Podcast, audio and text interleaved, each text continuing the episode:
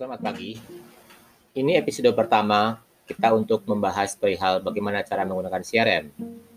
Tapi karena ini perkara suara saja ya, saya hanya cerita.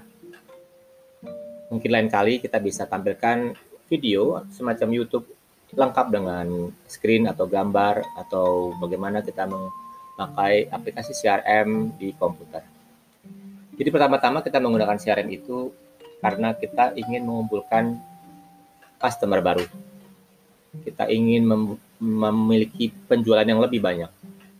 Kita ingin juga supaya customer yang lama terus-menerus membeli produk kita lagi dan lagi. Jadi pertama-tama ketika ingin mendapatkan customer baru, biasanya kita membuat iklan.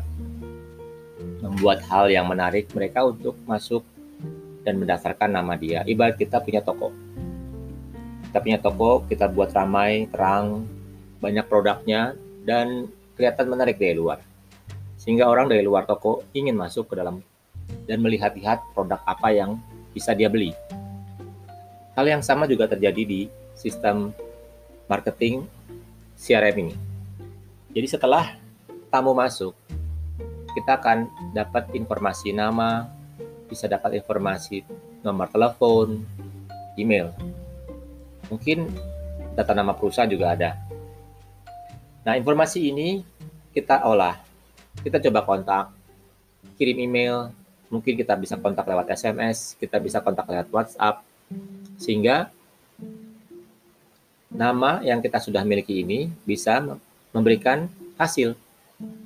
Hasil dalam arti kata, apakah dia tertarik atau tidak dengan produk yang Anda tawarkan. Biasanya dalam tahap pertama kita tidak menawarkan produk, kita tidak memberikan penawaran sama sekali. Dalam prosesnya, nama yang masuk ke dalam sistem CRM itu akan kita follow up dan kita tanya kenapa beliau mendaftarkan nama mereka, nomor telepon mereka, bahkan nama perusahaan mereka ke dalam website, ke dalam iklan, atau ke dalam sosial media yang Anda pasang. Nah, jawaban ini sangat penting karena itu akan mempengaruhi proses selanjutnya.